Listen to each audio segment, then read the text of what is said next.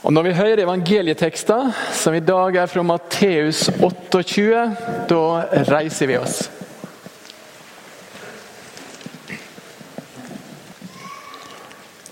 Da sabbaten var til ende og det tok til å lysne første dagen i veka, kom Maria Magdalena og den andre Maria for å se til grava.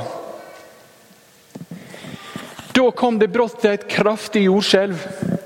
For en Herrens engel steg ned fra himmelen og gikk fram til grava, rulla steinen ifra og sette seg på han. Han var som et lyn å se til, og klærne hans var hvite som snø.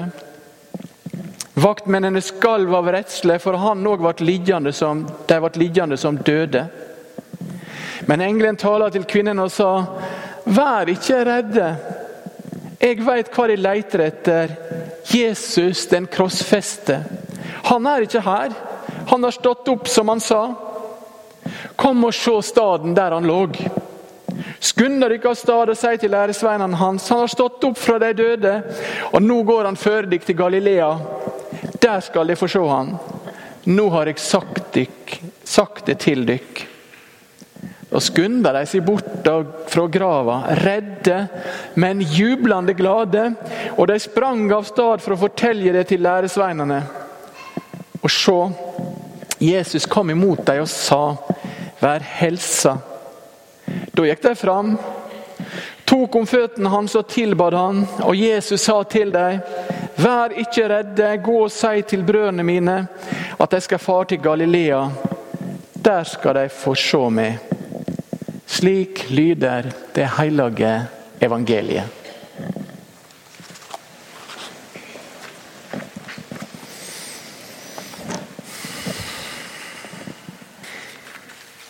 Hvor vi egentlig kjenner oss igjen. Vi føler i grunnen slektskap med disse to kvinnene som gikk til grava. Hendingene på tredje dagen etter langfredagen i dag, det er grunnen til at vi feirer påske. Og grunnen til at det finnes ei kristen kirke på jorda. Det tok til med at noen kvinner gikk ut til grava tidlig søndagsmorgenen. Det var straks etter soloppgang. Sabbaten, som ei lørdag, den var til ende.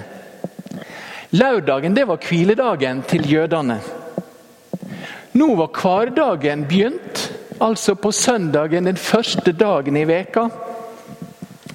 Og Her må vi da få skyte inn at for oss kristne så er den dagen blitt så stor og betydningsfull at det er blitt hviledagen. Søndagen har fått det innholdet for oss. Og Derfor så har vi flytta fra lørdag til søndag. Dette er oppstandelsesdagen som er så avgjørende for hele kristenheten. Noen kvinner, to Mariaer, gikk ut til grava, til Jesu grav, tidlig denne søndagsmorgenen. Mellom olivenplanter og vingarder vandrer kvinner og menn ut til sitt arbeid denne dagen. Det var en vanlig morgen for de fleste. Men denne morgenen så ble menneskets historie forvandla. Det var kvinner som gikk til grava, ingen av læresveinene. De satt bak stengte dører i frykt for at de skulle bli gjenkjente som venn av den henretta. Kvinnene som gikk til grava, hadde i tankene å sluttføre den gravferdsseremonien det en ikke hadde blitt ferdig med på langfredagskveld. Og Nå hadde de med seg olje til å smørje over den døde kroppen og velluktende krydder og strø utover linklærne. Det var den siste tjenesten de kunne syne mesteren, han som de hadde så kjær. Maria Magdalena. Det var henne Jesus tidligere hadde redda fra slummen. og som en gang smurte Jesus sine føtter med den dyrebare nardusalven som Judas mente kunne brukes på bedre vis. Og det var hun som tørka seg med Jesu føtter med håret. Med seg så hadde denne Maria fra Magdala med seg ei anna Maria, som var mor til ei av Jesus sine læresveiner, Jakob den yngre. Og Det de nå hadde igjen, det var ei grav å besøke.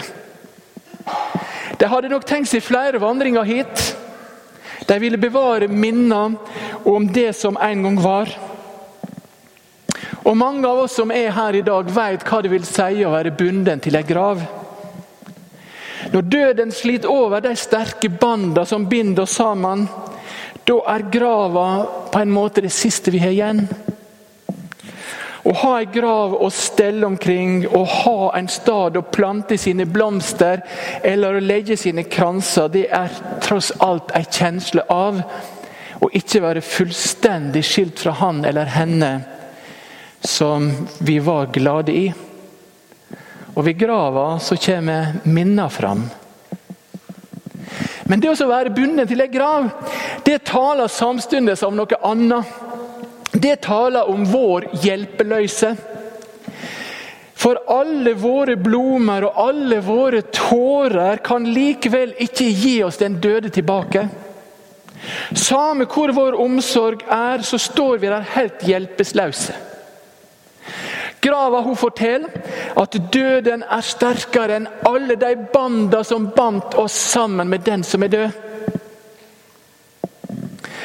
Og vi kan tenke oss for et sjokk det måtte være for disse kvinnene. De hadde tenkt å ha ei sorgstund ved grava. I stedet så fikk de som de første ta imot påskebudskapen. Det søker Jesus, han som var krossfest. Han er ikke her. Han har stått opp. Han lever. Det fikk veldige konsekvenser. Både for disse kvinnene og for oss i dag. Og mest soleklart konsekvens for oss er om ikke så var tilfellet, så hadde ikke vi vært samla til gudstjeneste her. Vi hadde ikke hatt noen kirkestad eller noen av de kirkene som har stått her, eller denne kirka i det hele tatt. Underlig måtte det være, det som videre skjedde. Når Maria sprang av sted for å fortelle det som hadde hendt. Hun fant Simon Peter og Johannes. Ikke så rart kanskje at det var Peter hun ville ha tak i først. Jeg tror at Peter var den som hadde det verst av alle i hop. Han som noen dager før hadde gitt Jesus den beinharde lovnaden om at hvis alle andre går fra det, så skal i hvert fall ikke jeg gjøre det. Så var det han som på skjærtorsdag hadde banna og sverja på at han ikke kjente meisteren, eller ville ha noe med Jesus å gjøre. Det var den siste hilsinga Peter fikk gi sin venn før han døde. Johannes han hadde nok vært vitne til denne hendinga. For når Peter slipper inn på forgården til øverstepresten, så er det fordi at Johannes var en kjenning av øverstepresten. Står det litt lenger framme i evangeliet. Tross i alt dette så hadde ikke Johannes forlatt Peter og snudd han ryggen som kamerat. Påskemorgen var fortsatt Peter og Johannes i følge. Og Nå la de på sprang til grava. Og Johannes han var den som vant den duellen. Om Johannes så står det han bøgde seg inn, og så så han linklærne ligge der. Men Peter han nøgde ikke seg med det. Han gikk rett inn. Han så linklærne som lå der, og kledet som Jesus hadde over, bundet over hovedet.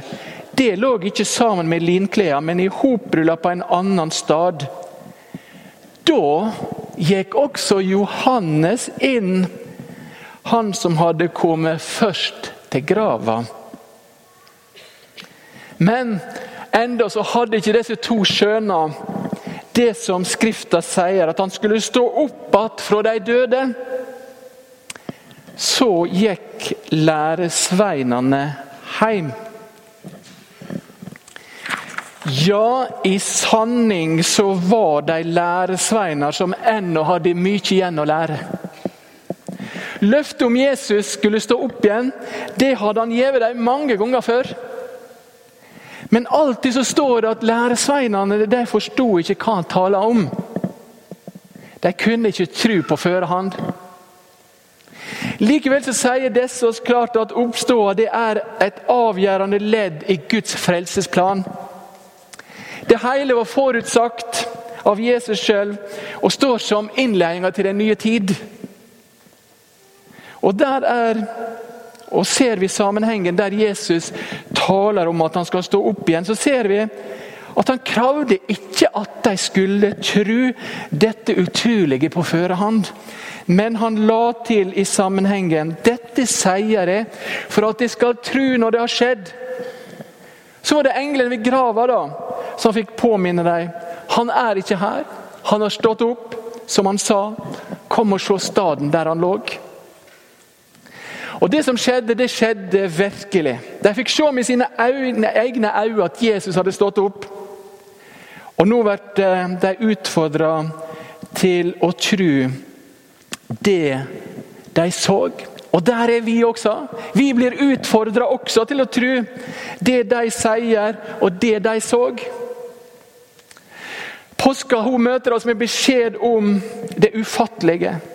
Noe bevis får ikke vi. Det ble ikke filma, dette her. Nei, et bevis det vil tvinge oss. Vi får et tegn. Vi får ei tom grav. Og det tegnet kan vi velge. Og Konsekvensen av det tomme grava er at hun forvandler alle våre graver. Jesus har stått opp fra de døde for aldri mer å dø. Og På samme måten som han på førehånd taler om si oppstående, har han også taler på førehånd om vår oppstående, som en gang også skal skje. Og Vår oppstående, den har sammenheng med hans om ikke han hadde stått opp, så hadde det heller ikke vært noe oppstående i vente for oss. Og Derfor så klinger det også ved våre gravferder. Det ordet som vi las ved dåpen i stad, det hører vi også når vi skal ut av denne verden. Lova være Gud, vår Herre Jesu Kristi Far. Han som etter si store miskunn har atterfødt oss til ei levende von ved Jesu Kristi oppståde fra de døde. Og En dag så oppdager du kanskje jeg kan ikke holde ut å leve om jeg ikke får lov til å tro på Han. Men dermed er det igjen dypest sett Kristus sjøl som har kommet til et menneske. Som ikke sjøl har forstand til å tro, eller har evne til å tro. Trua er aldri ei tru på noe, men det er ei tru på noen. På Han som kom og taler til ei påsketom kvinne. Maria, vær helsa, sa han. Og da var det trua kom til henne.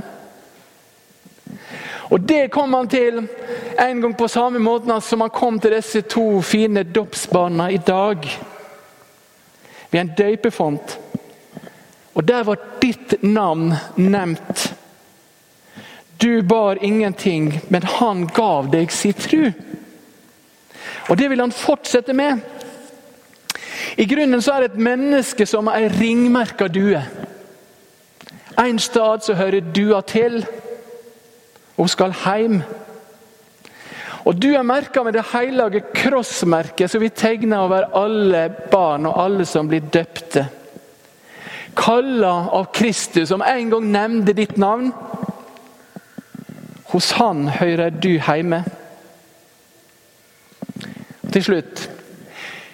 Under siste verdenskrig så var det en, fortalt om en fransk gutt. Han var bare 16 år. Han heter Henri. Henry Henri. Og Han ble dømt til døden. Han visste han kom til å dø.